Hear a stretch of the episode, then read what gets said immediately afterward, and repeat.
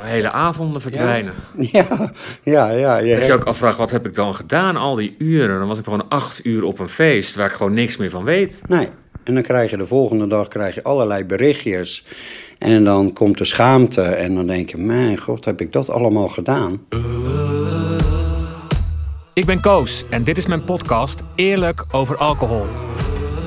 Op 16 september 2017 was ik voor de allerlaatste keer dronken. Heel erg dronken kan ik wel zeggen. En dat kon zo niet langer en dus besloot ik mijn probleem aan te pakken. De slogan drank maakt meer kapot dan je lief is werd voor mij werkelijkheid en dat wilde ik niet. Het was een begin van een nieuw, een ander leven. Alcohol was altijd een heel geaccepteerd eh, eh, middel. Maar als je kijkt welke schade het allemaal toebrengt in je lichaam en in je brein, dan spreken we echt gewoon over een harddrugs. In mijn allereerste podcast laat ik je horen hoe het is om te stoppen met iets wat ooit heel fijn en leuk was, maar steeds meer het slechtste in mij naar boven haalde: alcohol. Ik neem je mee naar de plek waar mijn leven veranderde, een verslavingskliniek waar ik elke week naartoe ging om te praten over mijn probleem.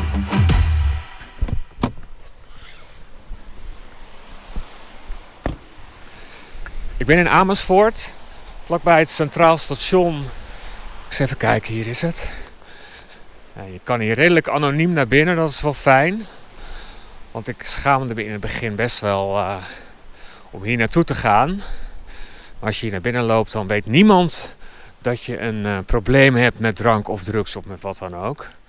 Ik ga naar William, die heeft mij destijds begeleid. Hier ging ik eh, drie maanden lang, elke woensdagmiddag naartoe. Had ik een één op één gesprek van ongeveer twee uur. En daarna zat ik in een groep met mensen. En ja, dan zeg je inderdaad: Hallo, ik ben Koos. En ik heb een probleem met alcohol. En dat heb ik altijd heel vervelend gevonden om te zeggen. Want ik had toch altijd het idee dat ik niet echt een probleem had, maar alleen iets te veel dronken in het weekend. Maar dat was dan, ehm, ja, eerlijk gezegd, wel eh, redelijk problema- problematisch geworden. Ik ga naar binnen.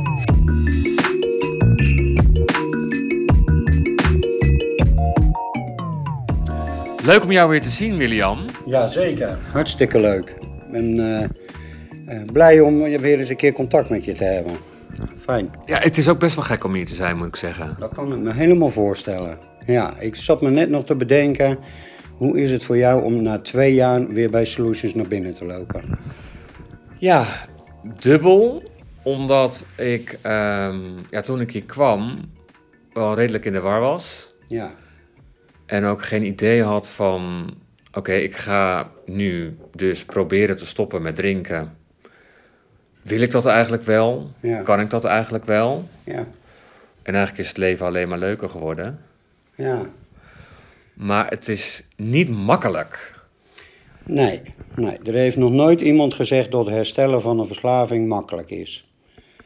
En vaak is het idee van, ach, ik ga even een paar weken flink eh, aan de bak en dan ben ik er wel klaar mee. Maar zo werkt het niet, helaas. En dat ondervind jij dus blijkbaar ook de afgelopen twee jaar. Dat herstellen en eh, met, met eh, je eigen herstel bezig zijn gewoon een ongoing proces is wat eigenlijk gewoon niet stopt. Nee, als je kijkt, hè, als we het hebben, kijken naar hoe ga ik weer liefdevol met mezelf om, dat gaat het ene moment beter dan het andere moment. En dat is nu de afgelopen twee jaar nog steeds, zal dat nog steeds een, een, een onderwerp voor jou zijn waar je af en toe tegenaan loopt. Nou, ik merk dat eh, in de afgelopen twee jaar eh, een groot verschil met gevoel. Ja. Ik voel veel meer, dus ik ervaar veel meer. Dus ehm, ja, negatieve emoties zoals boosheid of teleurstelling of verdrietig zijn, die, komen, die kunnen dan echt keihard binnenkomen. Dan ben ik zelf helemaal in de war van hoe, dat dan, hoe ik dat dan ervaar. Ja, ja dat hoor, hoor ik heel veel. Het, eh, eh, je hebt jarenlang heb je, je emotie, heb je aandacht weten te verdoven. En in principe, zodra het een beetje te veel werd, ging er wel een saus van alcohol of drugs overheen. En dat is de manier waarop je dealt met de stress die jouw emotie oplevert. En nu je niet meer gebruikt, komt dat binnen. En meestal na een, week of drie, vier, eh, dat je, als je stopt met je middel, gaan die emoties weer stromen. En dan eh, komt het allemaal heel erg binnen. En dan weet je niet eens of je nou boos bent, verdrietig bent of eh, bang bent. En na, na verloop van tijd eh, in, in jouw herstel, dan merk je dat die emoties allemaal wat puurder worden. Dat je werkelijk voelt dat je verdrietig bent. En dat je werkelijk voelt dat je boos bent. En dan is daar het moment weer om daar weer mee om te gaan. Dus dat blijven is, is best een hele lange tijd, een heel gevecht om, om, om te leren gaan met je eigen emoties. Om, daar, om ze te herkennen, om ze uit te spreken, om ze uit te uiten. Ja. Herken je dat? Ja, ja, het leuke is dat ook positieve emoties als plezier en lol, die, die zijn er ook. Dus ik, ik ervaar ook steeds nog, of weer het gevoel van vroeger, als, als ik als kind hoorde van we gaan vandaag naar de Efteling. Dat gevoel, dat Ja. komt nu eigenlijk weer terug. Ja. Dus dat is wel heel erg leuk. Maar ik weet nog heel goed dat ik hier naartoe belde. Ik was op vakantie op Ibiza en het was totaal uit de hand gelopen. En het eerste wat ik vroeg eh, was: mag ik dan nooit meer drinken? Of ga ik dan leren omgaan met? Ja. En Toen zei de, de lieve mevrouw aan de telefoon: nee, wij hanteren stoppen. En toen dacht ik: kan ik een leven zonder drank? Vind ik dat nog wel leuk? Ja. Nou, dat weet ik. Ik weet nog heel goed dat, je, dat wij de eerste vier gesprekken zijn we eigenlijk alleen maar bezig geweest.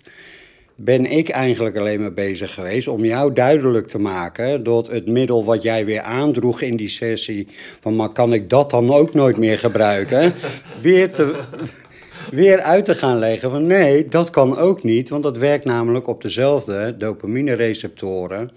En eh, je kan helemaal niks meer gebruiken wat, eh, wat daarop werkt. Ja, want ja, voor de duidelijkheid, en dat vond ik eigenlijk wel heel fijn. Jullie behandelen het als een ziekte, hè? Ja, verslaving. Of, ehm, Ja, en, en, want toen je dat tegen mij zei, dacht ik van, oh gelukkig, het is dus niet mijn eigen schuld dat ik een probleem heb met drank. nee. ja dat klopt. Eh, wij behandelen verslaving als, als een, de ziekte van het brein. En dat betekent eigenlijk dat een verslaafd brein ehm, minder dopamine-receptoren heeft als een gezond brein. En dat betekent eigenlijk dat je minder ontvangers hebt voor jouw geluksgevoel, jouw geluksstofje dopamine. En dat maakt dat je eigenlijk al eh, vrij jong merkt dat je dat geluksgevoel niet zo hebt als een ander heeft. En door er een middel overheen te gooien, dus alcohol of drugs, wordt er extra dopamine aangemaakt. En dat geeft dat fijne gevoel. En dat, je geheugen slaat dat enorm goed op, al die positieve ervaringen van jouw gebruik. En dat maakt dat je eigenlijk eh, jouw brein weer een herhaling wil van datzelfde stofje. En zo ontstaat die verslaving. En eh, zien wij het ook als een ziekte van het brein. Want dat deel, dat herstelt niet meer. Het beloningssysteem is gewoon in de war. Doordat jij daar zelf heel veel dopamine overheen hebt gegooid. En dat moet herstellen. Maar hebben ook mensen zoals ik dan, want ik denk nog steeds dat ik geen verslaving had, maar dat ik alleen maar in het weekend veel dronk. Ja. Heb ik dan ook zo'n afwijking van dopamine-receptoren? Eh, eh, dat, dat kan heel goed, ja zeker. Kijk, en het is wel zo dat naarmate je langer gebruikt, er ook steeds meer ook dopamine-receptoren kapot gaan. Oh. Dus waardoor je eigenlijk een tolerantie opbouwt en daardoor eh, meer nodig hebt van hetzelfde middel. Daardoor gebruiken mensen meer, wordt het eigenlijk, wordt het eigenlijk steeds erger en steeds erger. Ja. Spreek je van een verslaving in mijn geval? Ja,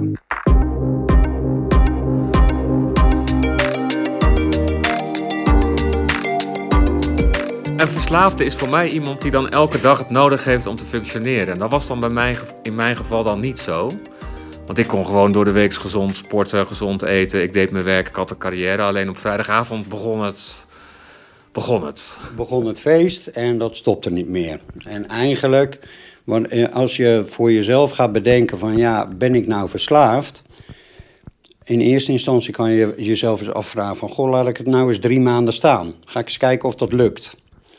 En eh, lukt dat al sowieso niet. Eh, je bent verslaafd als je geen controle meer hebt over je middel. Als je leven eigenlijk stuurloos wordt, het moment van het, eh, van het innemen van je middel stuurloos wordt en eigenlijk alleen maar door blijft gebruiken. Als je zelf geen stop daar meer op kan zetten, dan mag je wel aannemen dat je verslaafd bent. Ja, dan... ehm, Hoe was dat voor jou? Nou ja, ik vind dat gewoon moeilijk om te zeggen. Ja, Maar ik, ja, bij mij was het wel helemaal doorgeslagen. Want ik, wilde, ik, ik was niet meer een wijntje aan het drinken. Ik was gewoon een fles naar binnen aan het slurpen binnen een uur. ja. En dan nog één. En dan nog één, ja. En ik merkte ook wel dat ik mezelf in de maling begon te nemen. Ja, Dat ik dan bijvoorbeeld mensen al op zaterdagmiddag om vier uur uitnodigde voor de borrel. En dan ging ik om drie uur het eten voorbereiden. En dan nam ik al een, blikje bier. En dat deed ik dan eigenlijk ook al stiekem. ja. Dacht ik, oei. Maar ik werd ook helemaal niet meer lekker dronken eigenlijk. Je, je, ik had van die periodes in mijn leven dat ik ook echt lekker dronken worden. Of tenminste, maar dat de laatste jaren gebeurde er ook iets waardoor ik... Nee. Je bouwt zo'n tolerantie op en eigenlijk, eigenlijk heb je, ben je steeds aan het zoeken naar die eerste momenten, die, die euforische momenten waarin dat gebruik iets voor jou heeft gedaan. En gaandeweg, gaandeweg de jaren is gebruik helemaal niet meer lekker. Nee. Krijg je die euforie niet meer. En doe je het gewoon maar om eh, in ieder geval far out te zijn, zeg ik altijd maar. Om in ieder geval maar niet meer op deze wereld te zijn. Ehm, en dat noemen we de waanzin van jouw gebruik. Ja. Daarin gebeuren natuurlijk de gekste dingen in die periodes. Ja, heel veel weet ik ook niet meer. Nee. Dat vond ik wel schokkend, want ik heb hier ook een, een gesprek gehad met een psychiater. Ja. En die vertelde mij ook hoe gevaarlijk het eigenlijk is dat je die blackouts hebt. Ja. ja. Lichamelijk ook. Ja, je, je lichaam die went natuurlijk zo aan je middel dat je eigenlijk maar door blijft drinken en niet meer dat euforische vo- gevoel krijgt wat je eigenlijk zou willen hebben. En op een gegeven moment trekt jouw lijf dat gewoon niet meer en krijg je inderdaad blackouts. En zijn, ben je gewoon hele periodes kwijt van feesten of van momenten dat jij aan het, eh, dat je ging drinken. Hele avonden verdwijnen. Ja, ja, ja. Je Dat je ook afvraagt, wat heb ik dan gedaan al die uren? Dan was ik gewoon acht uur op een feest waar ik gewoon niks meer van weet. Nee. En dan krijg je de volgende dag krijg je allerlei berichtjes. En dan komt de schaamte en dan denk je, mijn god, heb ik dat allemaal gedaan? Ik ben eigenlijk wel benieuwd wat er nu precies technisch, wetenschappelijk gezien in je hersenen gebeurt als je zo'n blackout hebt. Ik ga bellen met Erik Scherder. Hij is hoogleraar neuropsychologie. Oftewel, hij weet van alles over ons brein en wat daarin gebeurt. Erik Scherder. Hallo Erik, dit is Koos. Hi.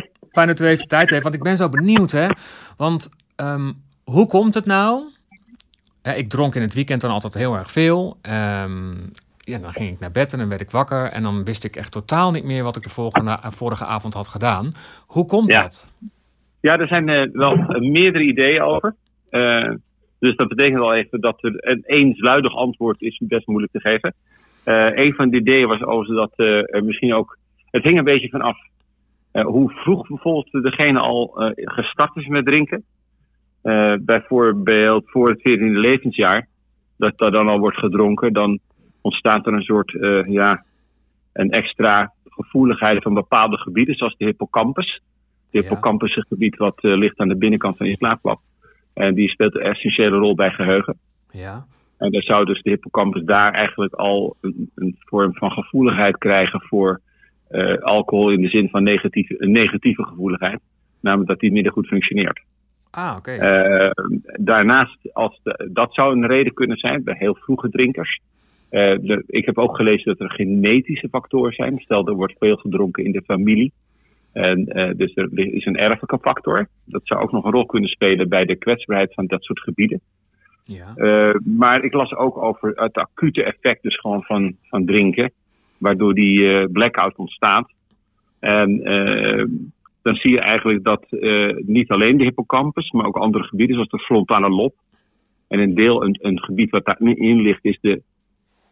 Ik weet niet of u al die gebieden wil weten, maar ik noem er nog één. Is de anterior cingulate cortex, de ACC. Die is heel beroemd eigenlijk omdat die een grote rol speelt bij het onderdrukken van je impulsen. ja. Eh, dus eh, ik, ik combineer even die factoren. hè. Je hebt een blackout, omdat je te veel drinkt. Maar dat te veel drinken kan weer komen dat je ook je impulsen niet goed controleert. Dat je niet voldoende kunt remmen op je gedrag. Ja. Dus je drinkt weer te veel. Eh, maar die ACC speelt ook een rol, die anterior syngonate cortex, ook een rol bij aandacht en dus bij cognitieve processen. Dus, je- en die frontale lob speelt ook een rol bij geheugen. Dus die ACC is een onderdeel van de frontale lob. En beide spelen een rol bij het onderdrukken van je impulsen. Nou, dat gaat dan niet zo goed, want je blijft maar weer, of je gaat maar weer het weekend er tegenaan, zal ik maar zeggen. Ja. Vervolgens zijn dat ook gebieden die een rol spelen bij geheugen, samen met de hippocampus. Dus ja, als, het, als die structuren dus niet zo goed doen, dan voelt u wel aan dat daarmee de kans op een blackout eh, enorm groot wordt. Ja, want het zijn heel veel ingewikkelde namen hè, eh, door elkaar. Ik begrijp Nou, het- waren er drie, hè, dus we moeten niet overdrijven. Ja, hé. Nee, zo snel ben ik niet van, de, van mijn padje te brengen, sorry. Kijk, ik, ik drink niet, hè, dus ik hou me scherp. Hè, dus dat, Ik ook niet meer. Maar er gebeurt dus inderdaad van alles in je brein, waardoor eh, eh, gebeurtenissen dus niet meer worden geregistreerd. nou ja, die gebeurtenissen niet, van dat moment. Hè, want Ja, Eh, wat ik lees over die blackout is niet zo dat je, dat je de herinneringen van voor die tijd ook niet meer hebt. Dat is niet zo. Het is met name datgene wat er zich afspeelt tijdens dat drinken. ja, eh, dat je daarvan niet meer weet van, god, waar, waar was ik eigenlijk? En eh, wie heeft me thuis gebracht? En eh, hoe ziek voelde ik me eigenlijk? En zo, dat ben je kwijt. ja. En hoe gevaarlijk is dat? Als je kijkt naar ja, mensen die alsmaar veel te veel drinken, u weet, dan krijg je aandoeningen als Korsakoff. Ja, En dan gaan dus veel meer hersenstructuren gaan onderuit. Eh, denk ook aan de verbindingen, de witte stof. Dus het is zonde dat je juist in de jeugd, waarin die verbindingen doorgroeien, eh, zich ontwikkelen, dat je daarin met drinken, alcohol, dat je daarmee dus een, een, ja, toch een negatief effect uit op, dat, op die witte stof.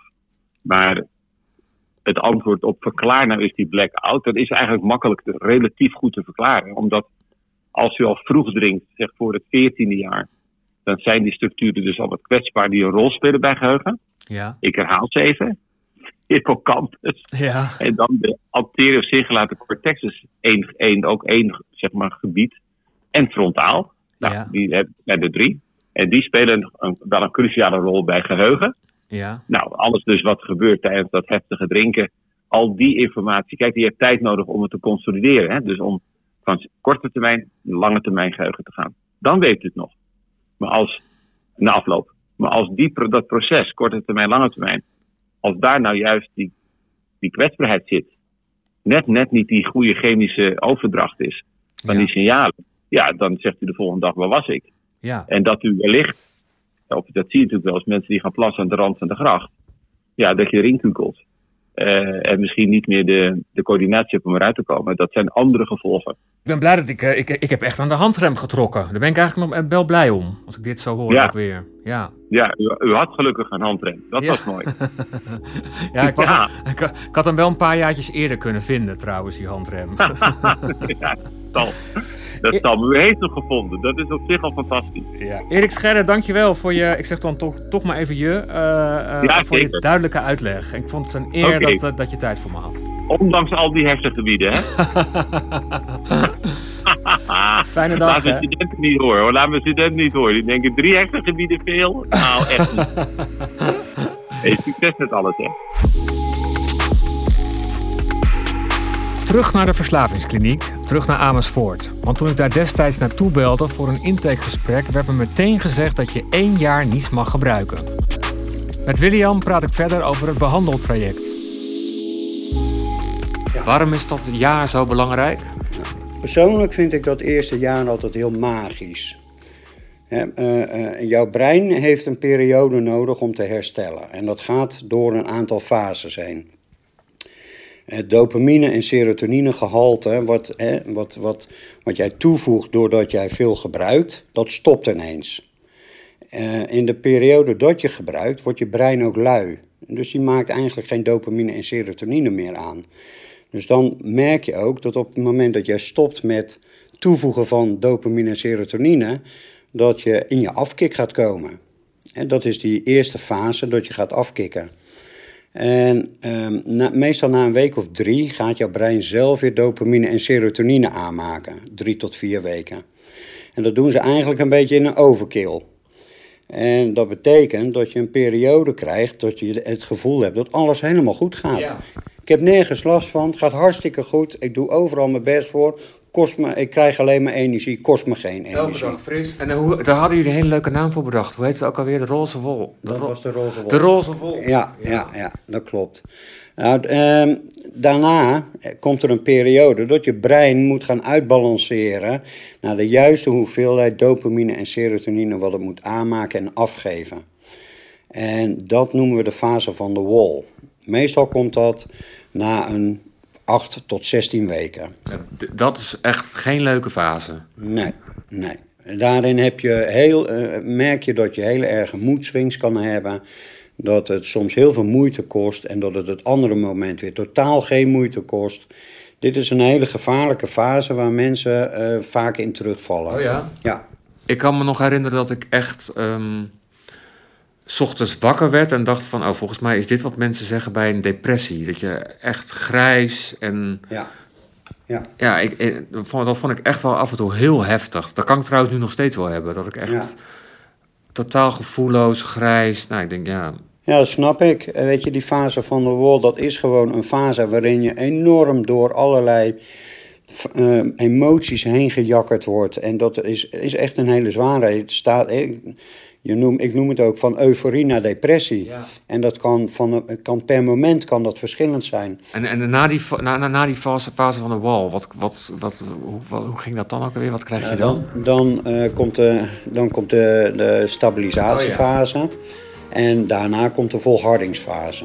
Dus in totaal is jouw brein, dat deel van jouw brein, is een half jaar bezig met herstellen.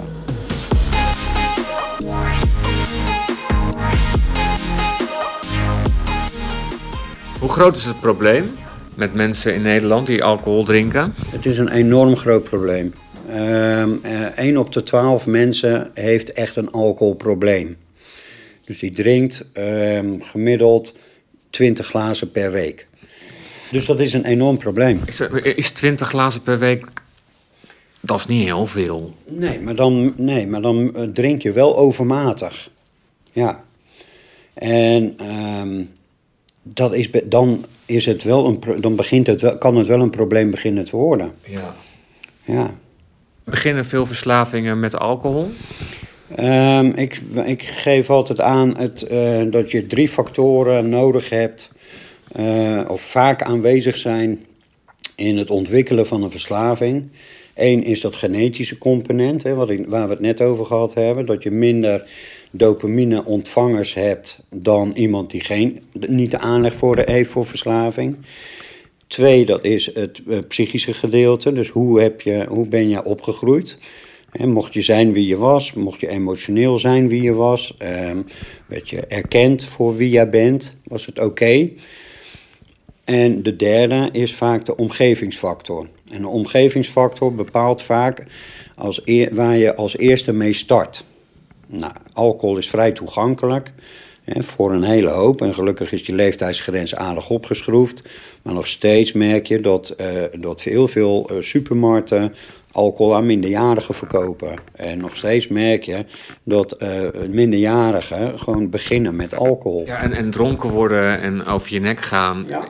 hoort er eigenlijk een beetje bij, hè? gek genoeg. Ja, in mijn tijd was dat ook al zo eigenlijk. Ja.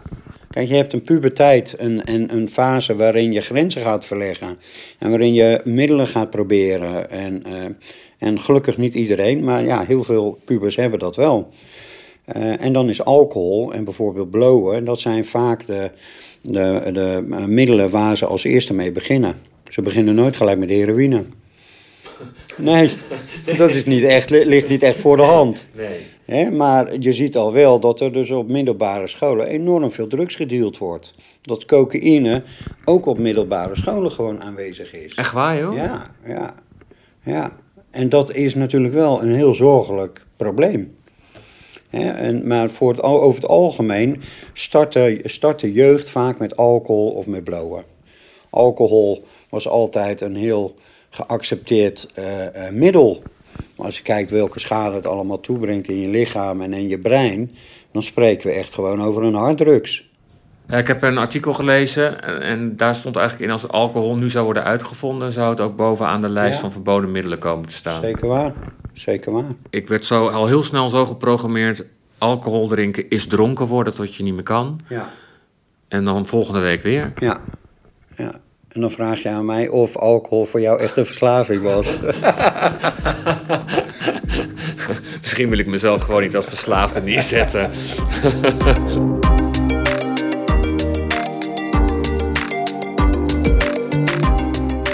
Wat ik wel mis, dat zijn de feesten. Ik vond zo'n feestje of, of, of festival en daar dan flink dronken worden, dat vond ik toch eigenlijk altijd wel heel erg leuk. ja. Mis je dan het feestje of mis je het dronken zijn? Dat is een goede vraag. Nou, als ik er nu kom, gebruik ik niks. En dan vind ik het vaak heel druk. En, en ik kan mensen niet verstaan. En het is te veel. Ja. Dus ik ga liever met mensen uit eten, want daar hoef ik totaal niet meer bij te drinken. Maar zo'n feestje met. Een, maar ik, ik, ja, ik merk, dan mis ik dan toch het dronken zijn en het verdoofd zijn. Ja. Erg eigenlijk. Nee, is helemaal niet raar. Het is eigenlijk weet, nog steeds dat, dat, dat, dat, dat verslaafde brein, dat, hè, dat zit er nog steeds. En eh, die obsessiviteit, en, en die heb je nog steeds in je. Dus af en toe het gemis van wat je achter hebt gelaten. Het is ook een soort rouwproces, hè. Herstellen. Ja, vertelde je ook Ja. ja. Herstellen is ook een soort rouwproces. Je gaat afscheid nemen van iets wat je enorm dierbaar is geweest. Voor hele lange tijd. En op het moment dat iemand uit jouw omgeving, een dierbare uit jouw omgeving overlijdt, dan ga je door die fases van rouw heen. Op het moment dat jij stopt met je beste vriend, hè, je alcohol en je feesten, om, dat, om, daarmee, eh, om daar afstand van te nemen, ga je ook door, door zo'n rouwproces heen. Je moet het accepteren van jezelf. En soms word je boos. En eh, al die fases die met rouw te maken hebben, die komen voorbij. Dat is een mooie vergelijking, want je gaat ook allemaal weer dingen voor het eerst meemaken zonder die vriend, in mijn geval dan alcohol. Ik ben er ook wel achter gekomen dat het, eh, hetzelfde volhouden zonder drank, dat werkt bijna niet. Want een feest Nee. is niet meer hetzelfde feest Nee. als je daar niet dronken bent. Wij zeggen altijd, je kan niet hetzelfde blijven doen en een andere uitkomst verwachten. Dus je kan niet naar die feesten toe blijven gaan en verwachten dat het dan ineens wel heel erg gezellig is. De, eh, de euforie zit hem nu meer in, in de verbinding die je hebt met mensen. En in de gesprekken die je hebt. En dat het Ja. dieper gaat en mooier is als wat je, eh, als de, de onnozele gesprekken en eh, gektes die je in je gebruik hebt gehad. Ja, Want het ging nergens over. nee, het ging echt nergens Het ging over. alleen maar, het enige wat je wil is zo far, zo far out mogelijk zijn. En nu heb je verbinding, je hebt mensen, je hebt gesprekken, je hebt eh, mooie dingen, minder mooie dingen, eh, minder mooie mensen, maar ook hele mooie mensen om je heen. En dat mag je allemaal gewoon beleven. Ja, en het leven is echt leuker zonder. Zeker waar. En niet te vergeten dat er een periode is geweest dat alcohol en drugs heel veel voor je hebben gedaan en je heel veel hebben opgeleverd. Ja. Maar er is ook een periode geweest waarin het gewoon één groot drama is geweest. Ja, zeker. En, en ehm, waarin je eigenlijk nu in je herstel alleen maar aan het groeien bent en jezelf aan het ontwikkelen bent. En deuren voor je open gaan die toen de tijd gewoon gesloten bleven. Ja. Ja, leuk William, dankjewel. Graag gedaan. Ik vond het leuk om zo met je te praten weer. Ja, Ja. je hebt duidelijk uitgelegd weer. Ja, Wel voor mij wel fijn ook eigenlijk om dit nog een keer zo te horen. kijk. Ja. Bedankt. Deze podcast heeft vijf afleveringen. Luister ook mijn gesprek met actrice Sarah Gronis. Zij is gestopt met het drinken van alcohol, maar krijgt daarover veel vragen. Wat ik heel veel heb meegemaakt is dat je in een club staat en zegt, als iemand zegt, wat wil je drinken? En je zegt, nou, eh, doe maar een spa rood. En dan zegt iemand, eh, yeah right, oké, nou, eh, twee bier. Zanger Thomas Bergen vertelt hoe hij op jonge leeftijd al in aanraking kwam met drank. Ik wist het eigenlijk al vanaf het eerste moment, vanaf het eerste slokje. Dit vind ik veel te lekker. Olympisch schaatskampioen Marianne Timmer vertelt of sport en alcohol samen kunnen gaan. Ik was 22, toen won ik mijn eerste weken afstanden. Nou, dat ga je echt wel vieren. Journalist Jan Heemskerk was ooit gezelligheidsdrinken, maar daar denkt hij nu inmiddels heel anders over. Nou, zegt ze, je zou natuurlijk in plaats van vijf glazen witte wijn per dag ook één glas rode wijn per dag kunnen. Nou, ik ben echt ontploft. Zegt hij. Wat, d- pak je me dat nou ook nog af? Deze podcast is gemaakt in samenwerking met het ministerie van VWS en een productie van Koos van Plateringen.